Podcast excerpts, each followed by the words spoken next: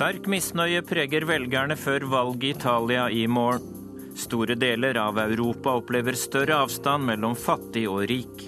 Men det merkelige er at noen av de ukrainske milliardærene har fordoblet sine inntekter og verdier under den økonomiske krisen.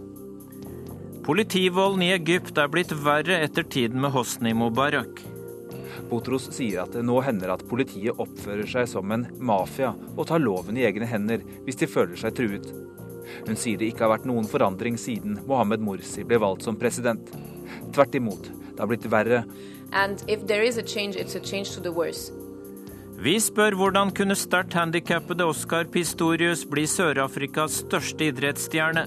Og vi skal møte enka etter Victor Hara, 40 år etter kuppet i Chile.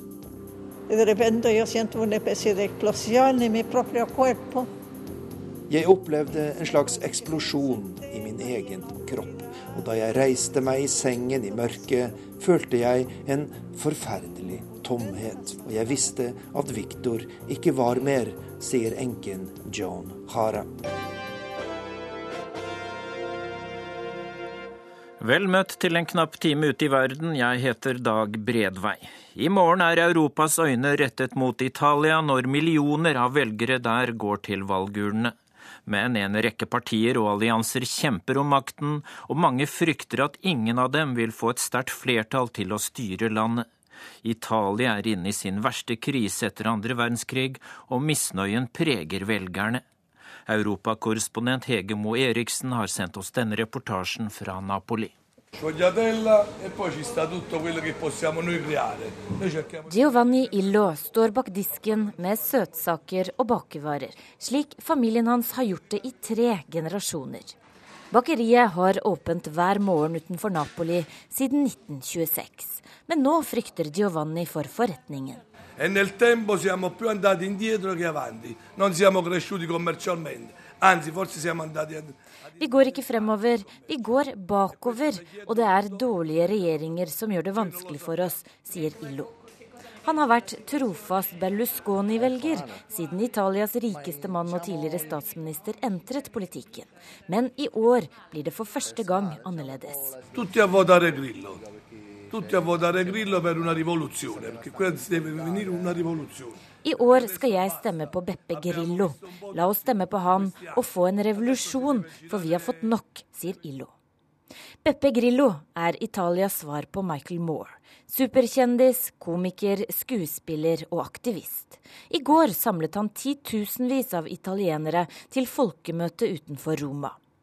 Med sin blogg, som er en av verdens mest populære, har Grillo dannet en gigantisk protestbevegelse som plutselig har skutt fart til å bli Italias tredje største parti på meningsmålingene. Beppe Grillo vil sparke Italias politiske elite ut av regjeringskontorene og ut av parlamentet. Men det er en helt annen mann som spås å vinne valget som starter i morgen. Det er kveld i Napoli, og tusenvis har møtt fram for å høre Pier Luigi Bersani tale. Bersani er sosialdemokrat, leder for Venstrealliansen og mannen som foreløpig leder med knapt flertall på meningsmålinger. Penso che questa è l'unica coalizione, Bersani è l'unica persona che possa assicurare un Bersani er den eneste seriøse personen som kan sikre en fremtid for Italia og for de unge. For det er en pessimisme i Italia som bare denne mannen kan gjøre noe med, sier Carla Malafronte. A darci l'ultima spinta per questa, per questa battaglia che vogliamo vincere. Men spørsmålet er om Bersani vil få nok stemmer til å danne en levedyktig regjering. Selv sier han til NRK at han er trygg på seier. Hva betyr en vittoria per te? Eh, significa prendere a mano questi problemi. Io eh, quando vinciamo, e penso che vinceremo, spero che vinceremo, eh, festeggeremo qualche ore, poi ci metteremo a lavorare perché Jeg håper at vi vinner, og vi vil sette i gang med å arbeide straks. Italia er et land som har mange problemer, men også en utrolig styrke. For meg betyr en valgseier å gjenopplive denne styrken, sier Bersani. Rimettere in movimento la forza di questo paese. Mange italienere er altså frustrerte, og Hege Moe Eriksen, vil misnøyen føre til en rekke proteststemmer som fløypartiene vil tjene på, tror du? Absolutt. Mange velgere her i Italia har fått nok. De er eh, sinte over korrupsjonsskandaler, politisk vanstyre og en nasjonal krise som altså sies å være den verste i Italia siden eh, andre verdenskrig. De har eh, fått nok av Berlusconi, de har i stor grad fått nok av teknokraten Monti, som har vært statsminister nå i et år etter Berlusconis fall. Og mange italienere leter etter alternativer som kan få landet ut av krisen krisa. Og det er nettopp denne bølgen av misnøye som en mann som Beppe Grillo nå surfer eh, på for fullt. Han er komiker og blogger, men har hatt altså en valgkamp som kalles for eh, Tsunami-turneen her i Italia. Beppe Grillo fyller piazzaer eh, over hele Italia, og ifølge de siste meningsmålingene som var for to uker siden, så ligger han altså an til å bli Italias tredje største parti. Og det er mange nå som lurer på hvor sterk han egentlig kan bli. Men siden eh, de to siste ukene før valget så er det forbudt med meningsmålinger i Italia. Dermed så vet vi ikke helt hvordan eh, landet ligger. og alle lurer nå på hvem det er som kommer til å gå av med seieren eh, i valget som altså starter i morgen. Ja, for det er ingen tvil at EU håper på et sterkt sentrum, at Super-Mario, som han kalles Mario Monte, vil fortsette som statsminister. Men det er blitt mindre sannsynlig etter hvert eh, utover i valgkampen? Ja, Han kommer nok ikke til å vinne valget. Mario Monti kom jo inn som en italiensk redningsmann da Italia sto på randen av avgrunnen i fjor. Berlusconi måtte gå. Eh, landet var i dyp finansiell krise. Og Monti kom eh, og har klart å få landet på rett kjøl igjen. I Brussel, i EUs hovedkvarter, er man selvfølgelig veldig glad for det. Men italienere er ikke særlig eh, glad i Monti lenger. Han har gjennomført en rekke kutt, en rekke upopulære reformer, og han har falt kraftig i popularitet her i Italia. Nå ligger han an til å bare ha rundt 13-14% på meningsmålingene, så han vinner nok ikke valget. Men det spekuleres veldig i at eh, det partiet som altså ligger høyest på meningsmålinger, som er en venstreallianse som ledes av Pier Luigi Bersani, eh, det spekuleres i at denne alliansen, for å få et flertall, kanskje må inngå i et arbeidslag med Monty, og at disse to til sammen kan danne en regjering. Så det kan være at Monty kommer eh, i regjering likevel, men alt avhenger av hvordan stemmene fordeler seg i morgen. Takk skal du ha, Hege Moe Eriksen, direkte med oss fra Roma. Elisabetha Casina Wolff, du er førsteamanuensis ved Universitetet i Oslo, og du er med oss på telefon fra den norske fjellheimen. Eh, hva tror du må til i dette valget for at Italia skal få en sterk og slagkraftig regjering?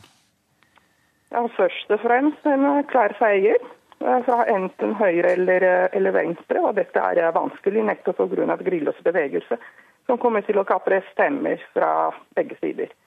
En svak seier fra enten Bersani eller Berlusconi vil tvinge dem til å forandre med enda flere partier for å oppnå flertall i parlamentet.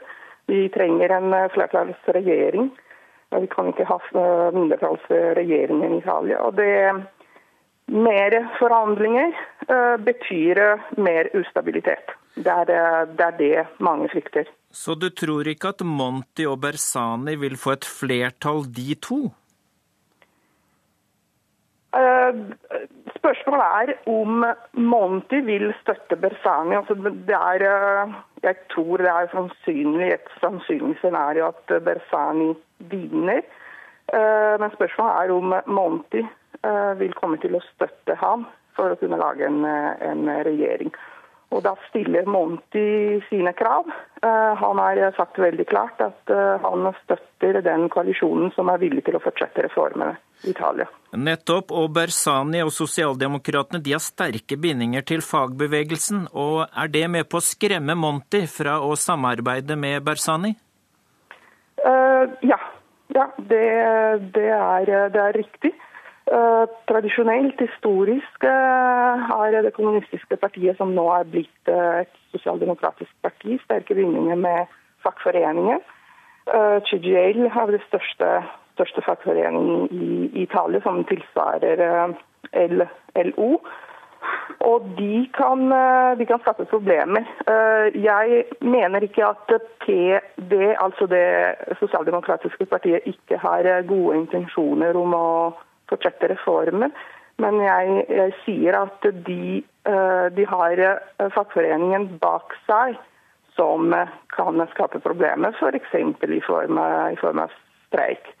Altså Fagforeningen liker ikke liberaliseringer og Eh, kutt i velferdsstaten. De liker ikke eh, privatiseringer, og eh, spesielt reformer som går i retning mot en større mobilitet i arbeidsmarkedet. Ja, veldig kort. Kan alliansen som Bersani har med fagbevegelsen skremme Monti rett i armene på Berlusconi?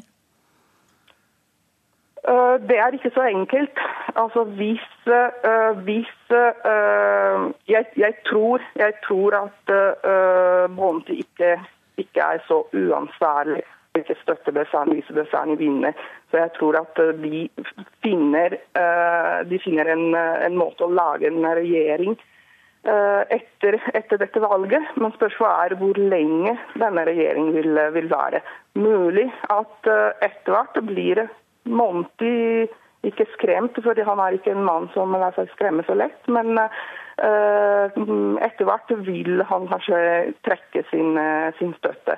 Ja. Det betyr at uh, det kommer nye, nye, valg. Det betyr ustabilitet og ja, politisk, ny politisk krise som i tillegg til den, den økonomiske krisen. Så ja, Dette scenarioet er det verste for både italienerne og Europa. Ja. Takk skal du ha, Elisabetha Casina Wolff.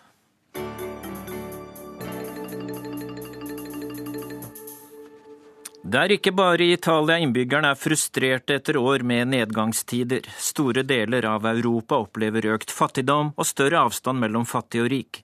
Klassesamfunnet Storbritannia er intet unntak, og der er det bekymring for at kraftige kutt i offentlige budsjetter særlig går ut over de aller yngste. Um, I've got some basic questions just about food we need to ask you. Um, do you prefer tea or coffee? Mm, tea. Uh, do you eat pork? No. No. Vi er på matstasjonen i Lewisham, en bydel i det sørøstlige London. Hit kommer folk som ikke har råd til å kjøpe sin egen mat. Um, do your children have any allergies at all? No. no. Vi møter en mor med to barn som gleder seg over innholdet i posene de får utdelt. De er hjemløse flyktninger fra Afghanistan. En kvinne sitter i en sofa og gråter. De frivillige her gjør sitt beste for å trøste. På et bord står en kurv med mat som er utgått på dato. Mange gleder seg over lappen hvor det står at det bare er å forsyne seg, dog på egen risiko. Sister-in-law, right? Um, she lost her husband about a year year. Ron Spicer er innom for å hente matposer til sin enslige funksjonshemmede svigerinne. Han vet ikke hva hun skulle gjort uten den frivillige organisasjonen som deler ut nødmat til de som kvalifiserer. Han har ikke selv råd til å hjelpe henne. It's like I'm disabled. I've got a disabled car but I can't, I can't always afford to run it because of the petrol goes up and up and up. Spicer er funksjonshemmet selv. Han kan gå, men bruker en motorisert rullestol til avlastning. Problemet er bare at han ikke har råd til bensin. Regjeringen er lite hjelpsom, mener han. De økte prisene tynger de aller fattigste. Really need help.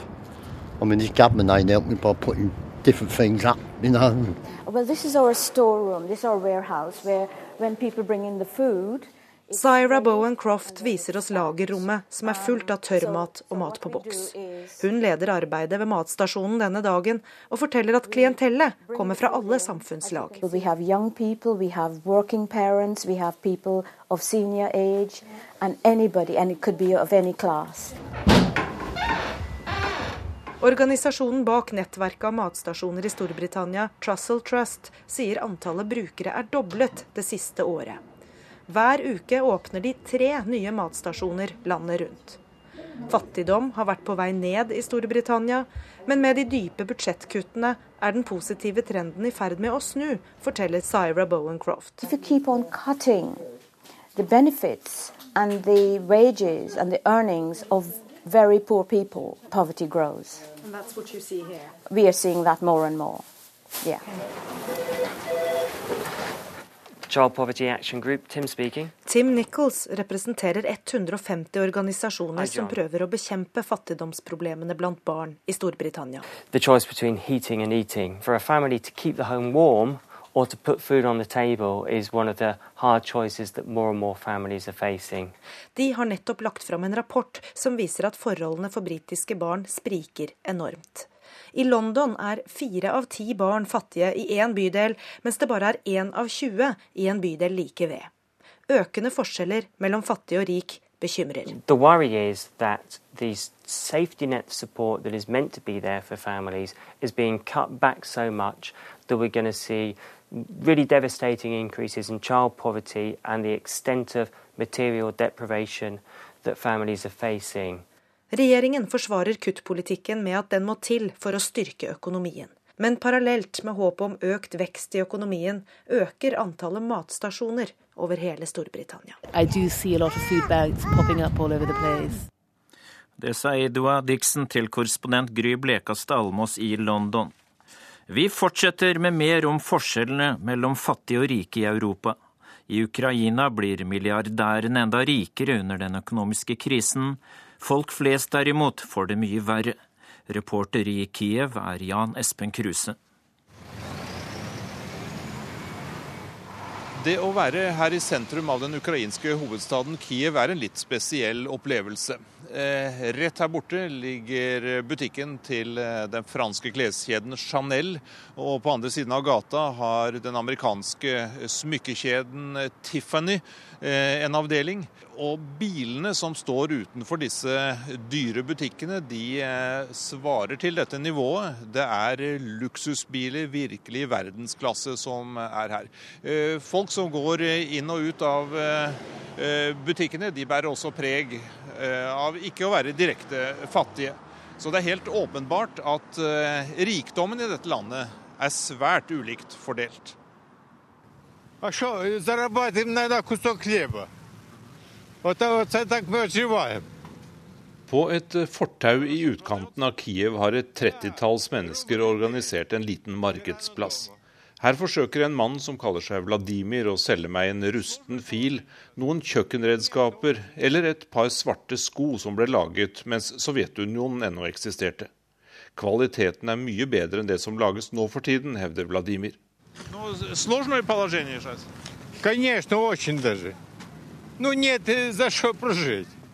Situasjonen er svært vanskelig, sier mannen som er i 50-årene.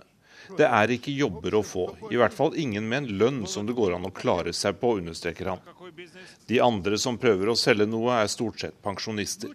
De sier at det er umulig å klare seg på en pensjon som utgjør ca. 600 norske kroner i måneden. Derfor selger de en del av sine egne eiendeler, eller de videreselger noe for naboene sine.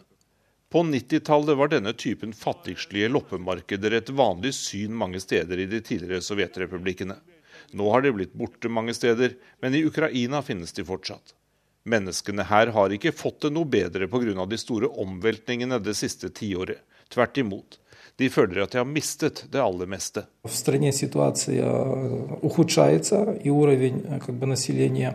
уменьшается, и у нас, скажем, встает меньше представителей среднего класса. Situasjonen blir stadig verre for middelklassen og de fattige, sier Vitali Bala, som leder en gruppe forskere ved et uavhengig institutt i Kiev. Men det merkelige er at noen av de ukrainske milliardærene har fordoblet sine inntekter og verdier under den økonomiske krisen. Den eneste forklaringen er at pengene på statsbudsjettet finner veien ut til oligarkene via utro tjenere i statsapparatet, sier Bala. Denne utviklingen er svært ødeleggende for et land som burde ha store muligheter, mener han. Я думаю, что главный потенциал страны это все-таки граждане. У нас очень высокий уровень образованности людей, у нас очень хорошие, э, скажем так. Hovedpotensialet i Ukraina ligger i menneskene, sier forskeren.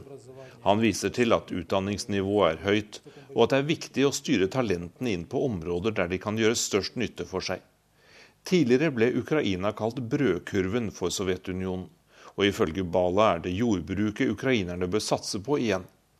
Den rike matjorda ligger der og venter, så får heller andre ta seg av industrivarer. En ukrainsk bil kommer aldri til å bli en suksess på verdensmarkedet, men jordbruksvarer kan fort bli det, påpeker forskeren i Kiev.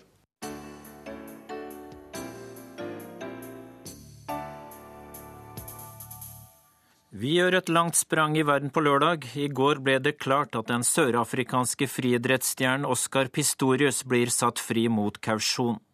Paralympics-helten har vært en gjenganger i media denne uken, etter at han ble siktet for overlagt drap på kjæresten sin.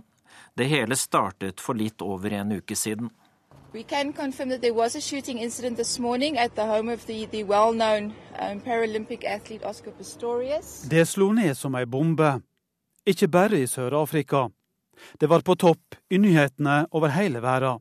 At this stage, we can confirm that um, a young woman, a 30-year-old woman, did die on the scene. Friidrettsstjerna Oscar Pistorius var arrestert etter at kjæresten var funnet drepen i heimen hans. Han ble sikta for overlagt drap.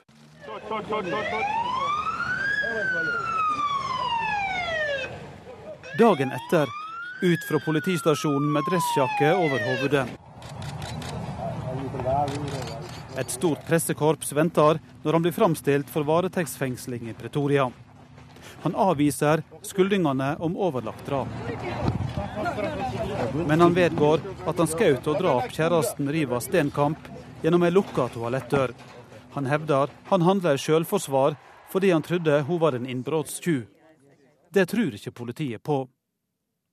26 år gamle Oskar Pistorius ble født uten leggbein, og bare 11 måneder gammel måtte han amputere begge beina under knærne. Han springer med proteser av karbonfiber, og det har gitt han tilnavnet Blade Runner. Oskar Pistorius, The Blade Runner, regjerende mester på øvelsen i bane to lengst unna kamera i heat 2. I likhet med Peacock er ikke Pistorius først ut av startblokkene, men tar kjapt kommandoen i feltet. Blake Leaper fra USA kommer i et forrykende tempo mot slutten, men Pistorius holder unna og vinner på 11-18, sesongbeste for sørafrikaneren. London-OL 2012. Blade Runner har i alt seks gull i Paralympics. Han har også konkurrert i VM for funksjonsfriske. Tilbake i retten igjen. Oskar Pistorius har denne veka venta på ei avgjerd om å kunne bli sett fri fra varetekt mot kausjon. Avgjørelsen skulle ha kommet onsdag, men er blitt utsatt. Torsdag tok saka en ny vending. Etterforskningslederen ble tatt av saka fordi ei fire år gammel sak der etterforskeren sjøl var sikta for drapsforsøk, nå blir tatt opp igjen. Rettsmøtet måtte også avbrytes fordi dommeren fikk beskjed om at det var satt fram en trussel. Det viste seg å være udramatisk. Mer dramatisk er det kanskje at en av sponsorene bryter kontakten med Pistorius. Påstander om særbehandling er også en del av det dramaet som har utspilt seg i Pretoria. Dette fordi familien får treffe han også utenom den faste besøkstiden i fengselet. Styresmaktene avviser det. I come to the conclusion that the accused has made a case to be released on bail. Endelig, i går ettermiddag, kom avgjørelsen Pistorius har venta på. Han ble satt fri mot kausjon. Aktor har vært imot dette. Han har vært redd Oskar Pistorius skal rømme landet. Det sa reporter Eivind Molde. Kjetil Siem, du bodde flere år i Sør-Afrika, der du var sjef for toppfotballen i landet, og du kjenner idrettsmiljøet og samfunnet godt. Og hvor stor er Oskar Pistorius som idrettsstjerne i dagens Sør-Afrika?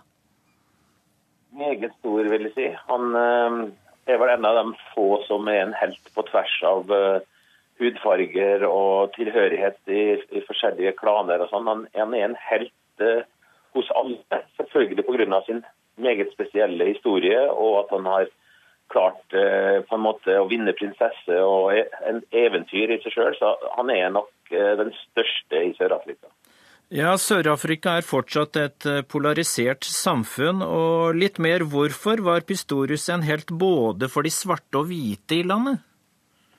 Jeg, jeg tror, uten å kunne fastslå det, jeg har ikke noe fasit, men jeg tror at hans handikap var lett for mange farger og svarte å identifisere seg med, på en måte. At uh, han var født med et handikap som mange svarte har følt i apartheid og også etterpå. Og at han har ja, han har vunnet folket med at han, alle kan identifisere seg med den historien. og Det er jo ganske unikt det han har, har greid. Det er jo sånn at Handikappet hans på mange måter har, har blitt en fordel på en måte da, i, i forhold til å bygge personen og brandet rundt seg sjøl. Sånn at selv om det er selvfølgelig et handikap, så er det en av de få som virkelig har klart å gjøre både penger og, og, identitet veldig ut av det på en særdeles oppsiktsvekkende og positiv måte.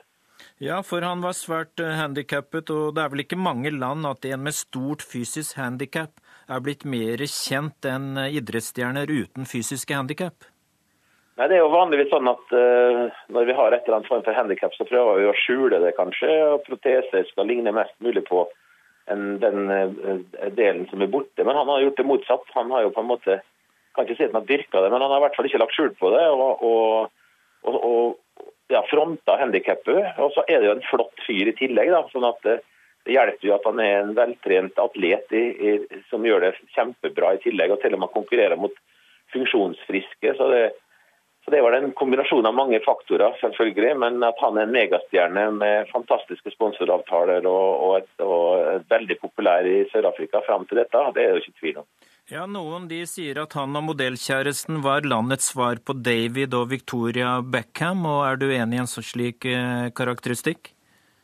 Ja, faktisk. Eh, veldig populær i, i alle jetsett eh, og VIP-sammenhenger og invitert overalt. og Veldig stor eh, i forhold til navnet og gjennomslagskraften. og og kommersiell verdi.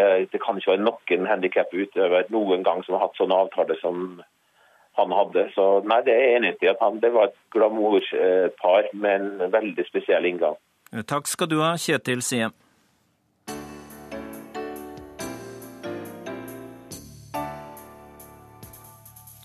Klokka er 11.30. Du lytter til programmet Verden på lørdag. Vi skal fra helt sør til helt nord på det afrikanske kontinentet. I Egypt har flere aktivister forsvunnet og dukket opp flere dager senere drept eller alvorlig mishandlet. Politivolden er verre nå enn under Mubarak, sier en menneskerettighetsgruppe. En av dem som forsvant, var en journalist i egyptisk statsfjernsyn, forteller Midtøsten-korrespondent Sigurd Falkenberg Mikkelsen fra Kairo.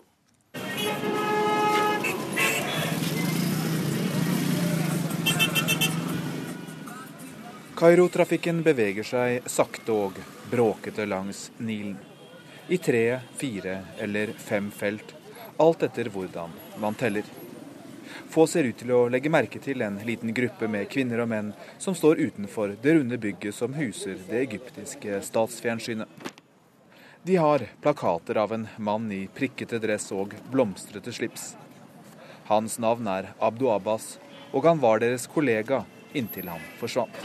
They, uh, when, when media and, uh, uh, then they found him in his flat.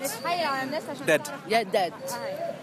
Yes, and his, his hands Hanna Fahmi jobber i statsfjernsyn og forteller at ingen brydde seg om å lete etter Abbas, før de la press på sjefene sine, som først sa de ikke visste hvor han bodde, men da de sendte noen til leiligheten hans etter lang tid, fant de ham død. Det var sorte merker både på hendene og føttene hans, som Fami mener tyder på at han var blitt bundet. Why do you think he was killed? Because he is from revolution. Yes. Fami er sikker på at han ble drept pga. sin politiske aktivisme, hans kamp for ytringsfriheten og hans motstand mot det nå regjerende muslimske brorskapet. Det finnes lite informasjon om hva som egentlig hendte, og denne saken er ikke enestående. Det har dukket opp flere lignende saker i det siste. Mest kjent er den om aktivisten Mohammed al-Gindi som forsvant fra Tahrir-plass under markeringen for toårsdagen for starten på protestene den 25. januar. Han dukket opp fire dager senere, i en så kritisk tilstand at han døde før han kunne si hva som hadde hendt ham. Familien hans er overbevist om at han ble torturert til døde. Obduksjonsrapporten hevder han omkom i en bilulykke. Men det er umulig å stole på myndighetene i disse sakene, forklarer Magda Botros i menneskerettighetsorganisasjonen Egyptian Initiative for Personal Rights. Uh, and unfortunately, we cannot really rely on the investigations done by the public prosecutor because uh, the office of the public prosecutor have been uh, very biased and politicized, especially in cases where uh, it's uh, the police or the security apparatus that is accused. uh, Uheldigvis kan vi ikke stole på etterforskningen som gjøres av de offentlige anklagemyndighetene. De er svært ubalanserte og politiserte, særlig i saker hvor politi eller sikkerhetsapparat er anklaget for å ha gjort noe galt. Botros sier at det nå hender at politiet oppfører seg som en mafia og tar loven i egne hender hvis de føler seg truet. Det gjelder særlig måten de slo ned på uroen i kanalbyene Port Said og Suez, hvor rundt 50 mennesker ble drept. Hun sier det ikke har vært noen forandring siden Mohammed Morsi ble valgt som president. Tvert imot, det har blitt verre, og de siste månedene har volden mot demonstranter blitt enda mer brutal. Um, police behavior has been extremely uh, brutal. Violations have continued. Torture is still systematic in places of detention. And if there is a change, it's a change to the worse. Um, we have uh, been monitoring cases of police abuse for the past uh, two years now, since uh, since the start of the revolution. And uh, in the past few months, we're seeing a rise in uh, the use of systematic abuse for people arrested in the context of demonstrations. Botros leder avdelingen for justisreform i Egyptian Initiative for Personal Rights. For ett år siden sa hun til seg selv at det ikke gikk an å forandre et helt system på en dag, at det ville ta tid. Det håpet er nå borte. Hun ser ingen tegn til at det er politisk vilje til å reformere politivesenet. Tvert imot, de som foreslår noe slikt, blir nå beskyldt for å ville ødelegge staten. Mohammed Morsi kommer fra det muslimske brorskapet, som har vunnet alle valgene som har blitt holdt siden revolusjonen. Bevegelsen ble brutalt undertrykt i over 80 år, av det samme politiet som nå fortsetter i samme spor. Jeg spør Botros hvordan det kan ha seg. Uh, uh, uh, political movement that was violently repressed for eight uh, decades, uh, spending a lot of time in jail, now they're on the other side of the table and they don't uh, do anything? We, we, we had high expectations uh, that things would change, at least for, for example, prisons, places of detention, because those in power today are those who had been the victims of, of uh, these conditions. What we're seeing today is a decline in, in conditions of detention, uh, uh an increased uh, use of violence by the police. And I, I, I don't really know why they're not taking these issues seriously, despite having been victims, but it's very clear to us that they do not Hun har ingen god forklaring, men konstaterer tørt at de politiske myndighetene ikke prioriterer å forandre et system de selv var offer for. Utenfor TV-bygget er demonstrantene som minnes den drepte journalisten Abdu Asam mer direkte. Hana Fahmi tror de med makt, hvem det nå er, vil skremme bort kritiske røster. You want to make all of us afraid and then we killed. I think how you killed a person to make another afraid. How it, how you think about this?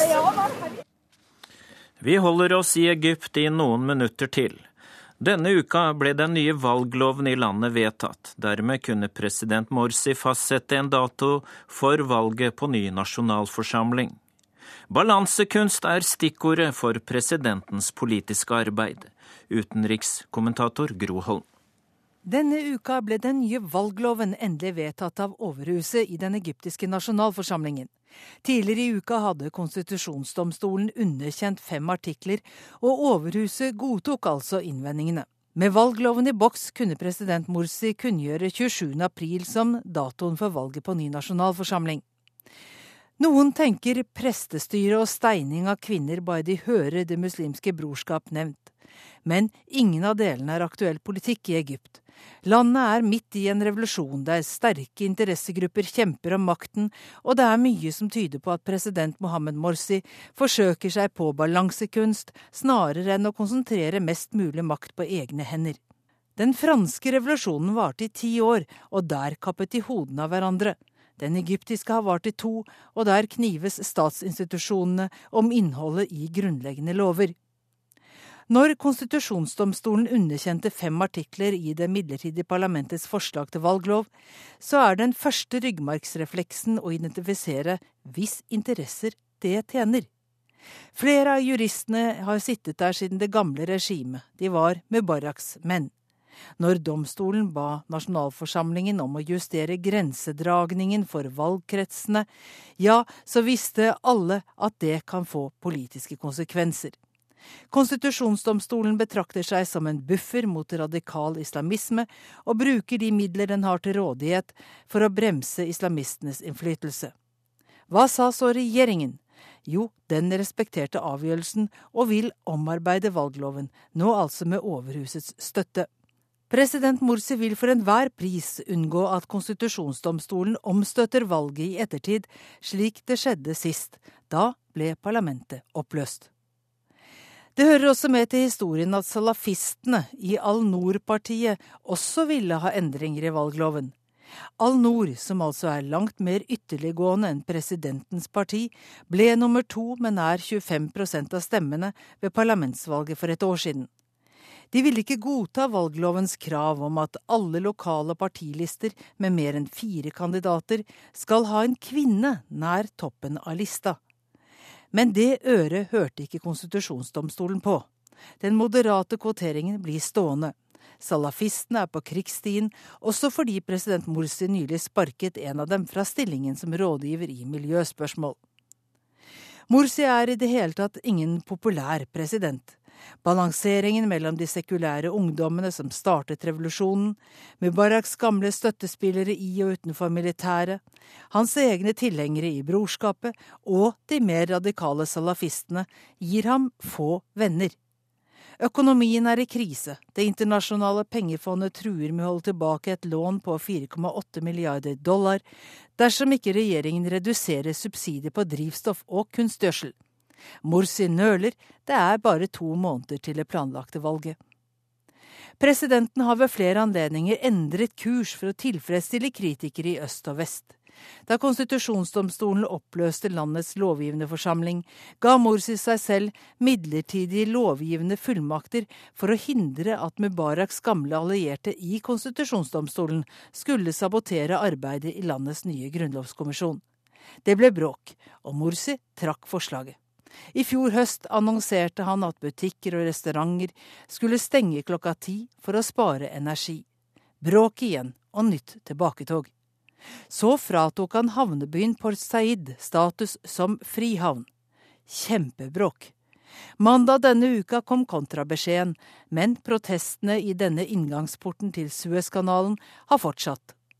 Alkoholsalget i forstedene til Egypts større byer fases nå gradvis ut, til store protester fra kristne og fra turistnæringen. Kanskje må han trekke også denne loven.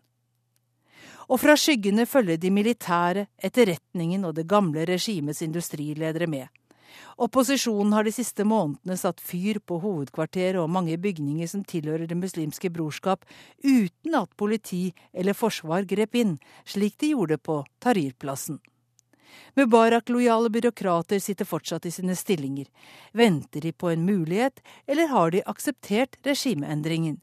Vil de gamle makthaverne fortsette å respektere demokratiet, selv om det etter hvert kan komme til å ramme deres privilegier?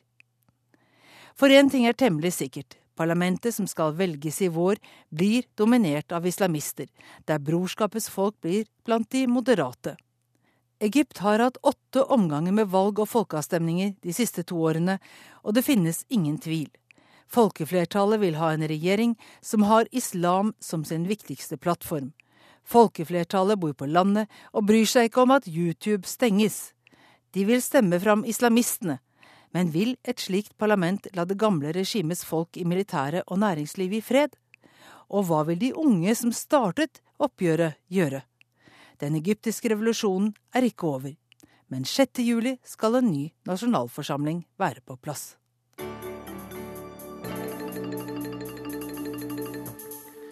I Chile håper mange på et endelig oppgjør med det tidligere militærdiktaturet, etter at åtte juntaoffiserer er tiltalt for drapet på den berømte sangeren Victor Hara. Det som skjer nå er et stort framskritt, sier sangerens enke Joan Hara til NRK. Hun har kjempet i snart 40 år for rettferdighet. Arnt Stefansen har sendt oss denne reportasjen fra Santiago de Chile.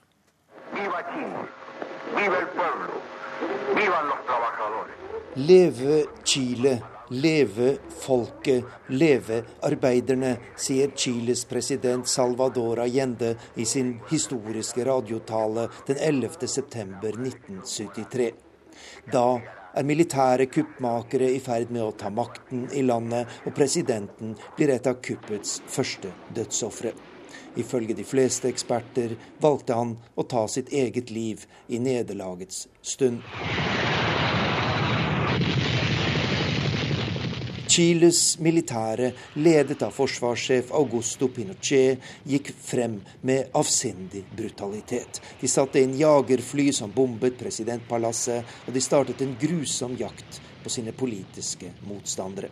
Mer enn 3000 mennesker ble myrdet, rundt 30 000 ble torturert, og titusener måtte rømme landet for å slippe unna grusomhetene.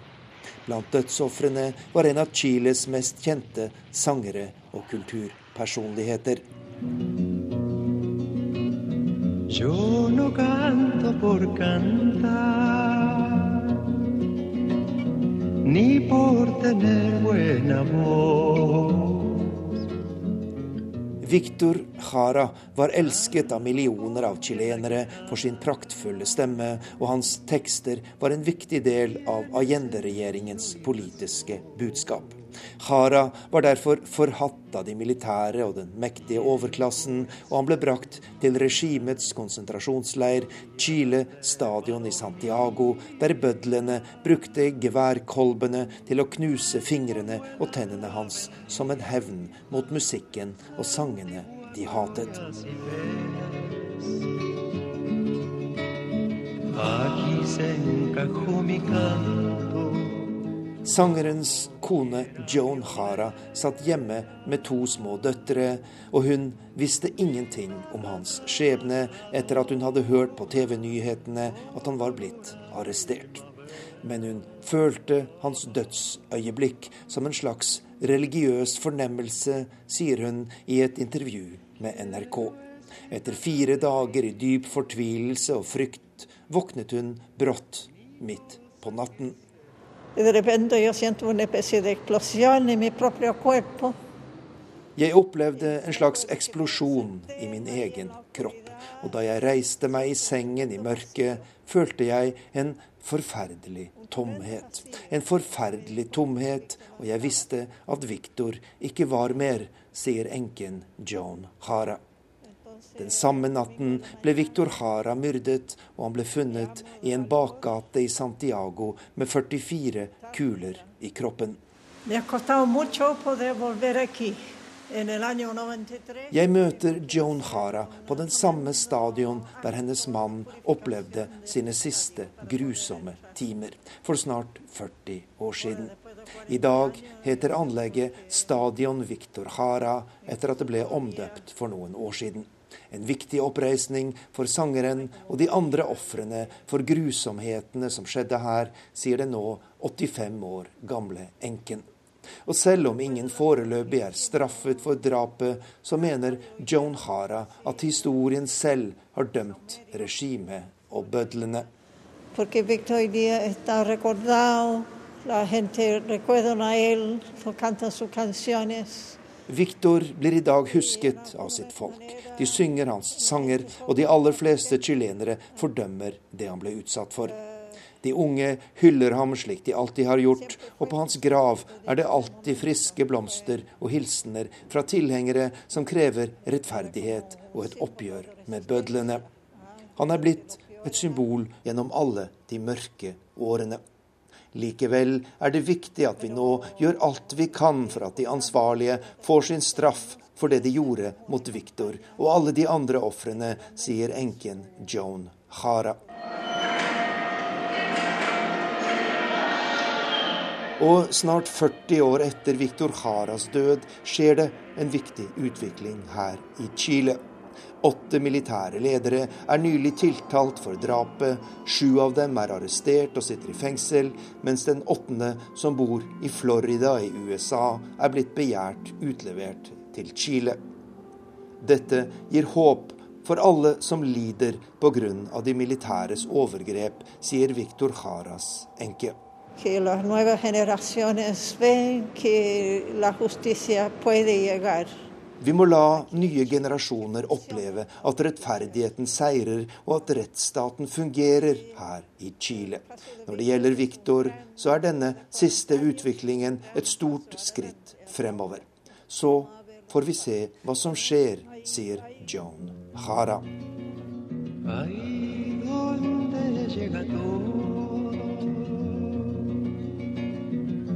donde todo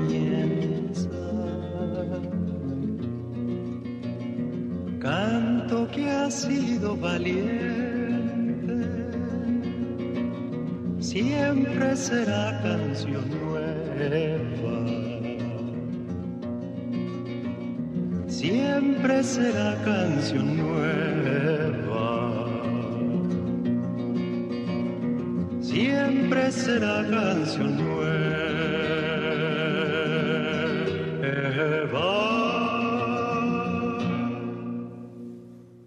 Vi hørte litt av melodien 'Manifesto' av Victor Hara. Det er Oscar-helg, og før korrespondent Anders Tvegård reiste til Hollywood, postet han ukas korrespondentbrev. Det handler om det ofte litt diffuse skillet mellom fakta og fiksjon. Det var som å være på et filmsett, bortsett fra at regissøren aldri ropte stopp. Allerede før klokka tolv hadde skjorta klistret seg inntil ryggen. Det var en vindstille dag, og de karibiske bølgene skvulpet mot klippene. Villkattene hadde forlatt halvtomme matskåler. Abierto sto det på skiltet, men det var ingen som tok deg imot, annet enn det granskende blikket til en stamkunde. Dama bak disken rotet etter noe på bakrommet. Amerikaneren kom bakfra. Før jeg rakk å reagere, hadde hendene hans festet seg på skuldrene mine. Hviskerøsten ba meg legge videokameraet på bordet. Det slo meg et sekund at jeg skulle ha hørt på advarslene og aldri gått ned hit til det fattigste kvartalet i Puerto Ricos hovedstad. I alle fall ikke inn i bua, som fungerte som bar og kiosk. Se rett fram, sa han. I speilet, bak oppstilte flasker og bilder av baseballstjerner, så jeg de tatoverte fingrene hans jobbe seg opp langs nakken min. Jeg hadde møtt mannen som bare gikk under navnet amerikaneren tre minutter tidligere. Han var som tatt ut av hippieversjonen av Pirates of the Caribbean. Amerikaneren justerte grepet og sa at ingen her var spesielt glad i journalister. For noen år siden var Puerto Ricos slumstrøk et paradis for lyssky aktivitet. Beliggenheten på en smal stripe mellom havet og San Juans historiske bymur gjorde det isolerte kvartalet til et ettertraktet sted for narkotika- og våpensmuglere. Her gikk barn med våpen, Heroinindustrien ble anslått til 20 millioner dollar. Bander kontrollerte de tre inngangene gjennom bymuren. La Perla ble slummen kalt, men det var alt annet enn en perle. De fem gatene sto ikke på noe bykart. Man ville ikke at cruiseturistene i den amerikanske kolonien skulle forville seg ned hit og bli en del av draps- eller kriminalstatistikken. Men nå er det nye takter, og derfor ville jeg se. Neddresset, uten cash, kort og klokke. Bare opptaksutstyret hadde en viss verdi.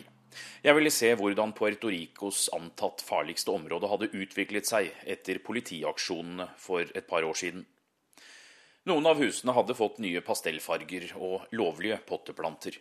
Men de fleste betongbyggene flasset av maling fortsatt. Vinduer var knust og blikktak blåst av. I spagettien av strømledninger hang det sko og klær til tørk. At halvparten av Puerto Ricos befolkning lever under fattigdomsgrensa, var tydelig i denne forfalne enklaven. Myndighetene ville bli kvitt La Perlas velfortjent dårlige rykte. Nå som narkobaronene var tatt og fremmede ikke forfølges av aggressive dopselgere, byr vel-lag og lokalmyndigheter på ukentlige salsakurs og årlige kunstutstillinger for å skape liv ved Atlanterhavskysten nedenfor bymuren. Amerikaneren sa at skinnet bedrar. Med fingrene plassert rundt nakke- og kjevepartiet mitt spurte han om jeg kunne klare å stole på ham. Han var ikke en person som akkurat oste tillit ved første øyekast, men jeg hadde ikke særlig valg. De tror du er politiagent. Ingen her i La Perla vil la seg intervjue, men ingen vil heller plage deg om du holder deg på hovedstien, sa amerikaneren. Dama bak disken kom ut med et bredt proteindrikk. Ah, så dere har blitt venner på så kort tid, sa hun på spansk. Du er heldig som får en gratis behandling. Det var tydeligvis hans cue. Han vrir hodet mitt raskt mot høyre. Gassboblene i nakkevirvlene smeller, som når du trekker en sugekopp fra kjøleskapet. Før jeg får summet meg, knekkes det også til venstre. Du trengte en justering. Jeg så du bar utstyret skeivt, sa amerikaneren. Han fortsatte med noe om at min tredje cervikale zygopopfysikale ledd trengte en korreksjon. Jeg noterte L83 mens blodet fikk ny fart i hjernen, uten å vite hva koden betyr. Han var massør og selvstudert kiropraktor. Men det er lite penger i omløp for tida, og turistene på bymuren er vanskelige å overtale. Han peker opp mot det 250 år gamle inngangspartiet som skiller det nedslitte området fra fortene og museene i San Juans gamleby. Ifølge dama bak disken er ikke pengene en utfordring for amerikaneren mens han kalles ut av en tenåring som ville sjekke om alt gikk problemfritt med kamerapersonen inne i bua, forteller hun på spansk at amerikaneren er god for millioner av kroner. Han har arvet, men trives best i enkle kår i det fattige kvarteret. Jeg sitter med amerikaneren en halvtimes tid uten å bli særlig klokere. Han gir noen detaljer. Kom til Puerto Rico for over 20 år siden og brukte ikke returbilletten. Var tenåring da Kennedy ble skutt. Han heter Kirk og kommer fra Pennsylvania. Mener Puerto Rico bør bli USAs 51. delstat, men tror ikke det skjer før korrupsjonen er fjernet. Han har ikke drukket alkohol på flere år, og nyttårsaftenen han husker best fra La Perla, var da to ungdommer ble likvidert på åpen gate, mens rakettene dominerte lydbildet, og 47 patronhylser lå igjen. De gjennomtatoverte armene er en livshistorie som han ikke deler på kort varsel. Om alt han sier er sant, kan ikke jeg kontrollere, men det kunne blitt et spennende filmmanus. Og La Perlas bakteppe er godt dokumentert. En rekke filmer som nomineres til gjeve utmerkelser i år, sies å være basert på sanne historier. Grensa mellom fakta og fiksjon er i beste fall tåkete. Og først da det stilles spørsmål ved ektheten, trekker regissørene på skuldrene og sier at det tross alt bare er film. Den kritikerroste politiske gisselthrilleren Operasjon Argo f.eks. handler om beleiringen av USAs ambassade i Iran og CIAs dekkoperasjon for å smugle ut seks amerikanske diplomater som hadde kommet seg ut av ambassaden og søkt ly hos canadierne. En sann historie, men med historiske friheter. Uten å avsløre for mye. Biljakt på rullebanen var film. Iranerne ringte aldri Hollywood. Scenen da CIA sliter med å få fatt i presidentens stabssjef, og først når ham da de utgir seg for å være fra skolen barnet hans går på, er feil. Stabssjefen var ikke gift og hadde ikke barn på den tida. Hollywood vil ha i både pose og sekk. Selv ekte mennesker med sterke historier må tilføres en dose ekstra drama. Zero Dark Thirty er et annet eksempel. Den gir inntrykk av at tortur var sentralt for å finne og henrette Osama bin Laden. Det er tilbakevist. Det var analytisk arbeid som førte fram, utført ikke bare av én, men en gruppe kvinnelige CIA-ansatte. Lincoln endret detaljene for å skape mer dramatikk da Kongressen skulle stemme over slaveriet. To kongressmenn fra Connecticut stemte imot grunnlovstillegget i filmen, men fakta viser at alle fire stemte for jeg håper ingen er overrasket over at vi fant opp dialogen også, var svaret manusforfatteren ga kongressmennene fra Connecticut som klagde på historieforfalskningen. Jeg var på den røde løperen under Golden Globe, som deles ut av de utenlandske journalistene i Hollywood, og nå på Oscar, den høysthengende filmprisen. Der, som på lerretet, handler alt om kostyme og hva skuespillerne har på seg eller med seg. De som serverer gratis champagne på løperen til alle andre enn journalistene, blir bare en parentes. Tja, bortsett fra at det kan få noen av de nominerte til å stanse opp også foran lille NRKs kamera.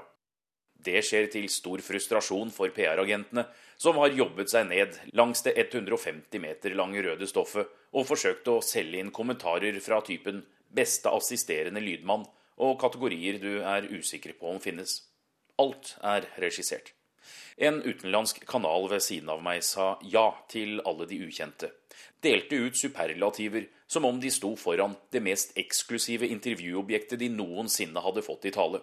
Spurte samtlige hvordan det føles å være nominert, og ba dem bokstavere etternavnet til slutt, slik at de kunne google hvem de nettopp hadde møtt. Belønningen var fravær av selv et hei fra navn du ser på filmplakatene. Men kanskje PR-agentene fører en stjerne til deg neste år som takk. Kollegaen min på høyre side hadde gjort et forarbeid, og fikk kjente ansikter til å stanse, og da drypper det jo litt på naboen også. Den røde løperen fungerer ganske enkelt. Jo høyere opp i næringskjeden du er, jo senere entrer du showet. Kon-Tiki-gjengen kom inn på løperen de 10-15 første minuttene av den halvannen time lange oppvisningen. De med hvitere tenner, yogakropper eller med mer synlige plastiske inngrep enn hva det var mulig å ha for en røykende karakter fra 1940-tallet, kom midt på. Dustin Hoffman, Leonardo DiCaprio og James Bond kom fem minutter etter det skulle vært stengt. Daniel Day-Lewis spås å hente inn den tredje Oscar-statuetten for beste mannlige skuespiller. Han vil i så fall bli den første med så mange priser. Hans tolkning og etterligning av Lincoln er mer presis enn selv ettcentmynten her i USA, bortsett fra at Lincoln mest sannsynlig ikke hadde hull i ørene. Ingens liv eller historie virker dramatisk nok for Hollywood, er lærdommen, der manus krever at man fletter sammen flere hendelser, har minst tre sidehistorier og en mektig kjeltring. Hurtigruten, Bergensbanen og Ved som brenner på fjernsynet ville ikke nådd langt i kategorien beste oppspinn, men de utgir seg iallfall ikke for å være noe annet. Lurer på hvordan opplevelsen fra Puerto Rico ville sett ut Hollywood-style. Kanskje Kirk hadde blitt en av skurkene, eller en av heltene som ryddet opp i slummen. Jeg får tenke litt mer på det mens jeg står på den røde løperen, ser filmbransjen feire seg selv og årets beste suse forbi. Vi minner om en kortversjon av denne sendingen klokka 16.40 i denne kanalen. Du kan også laste ned sendingen som podkast på nrk.no. Teknisk ansvarlig Per Ivan Nordahl, skript Tove Søtorp og jeg, Dag Bredvei, takker for nå. Fortsatt ha en god helg.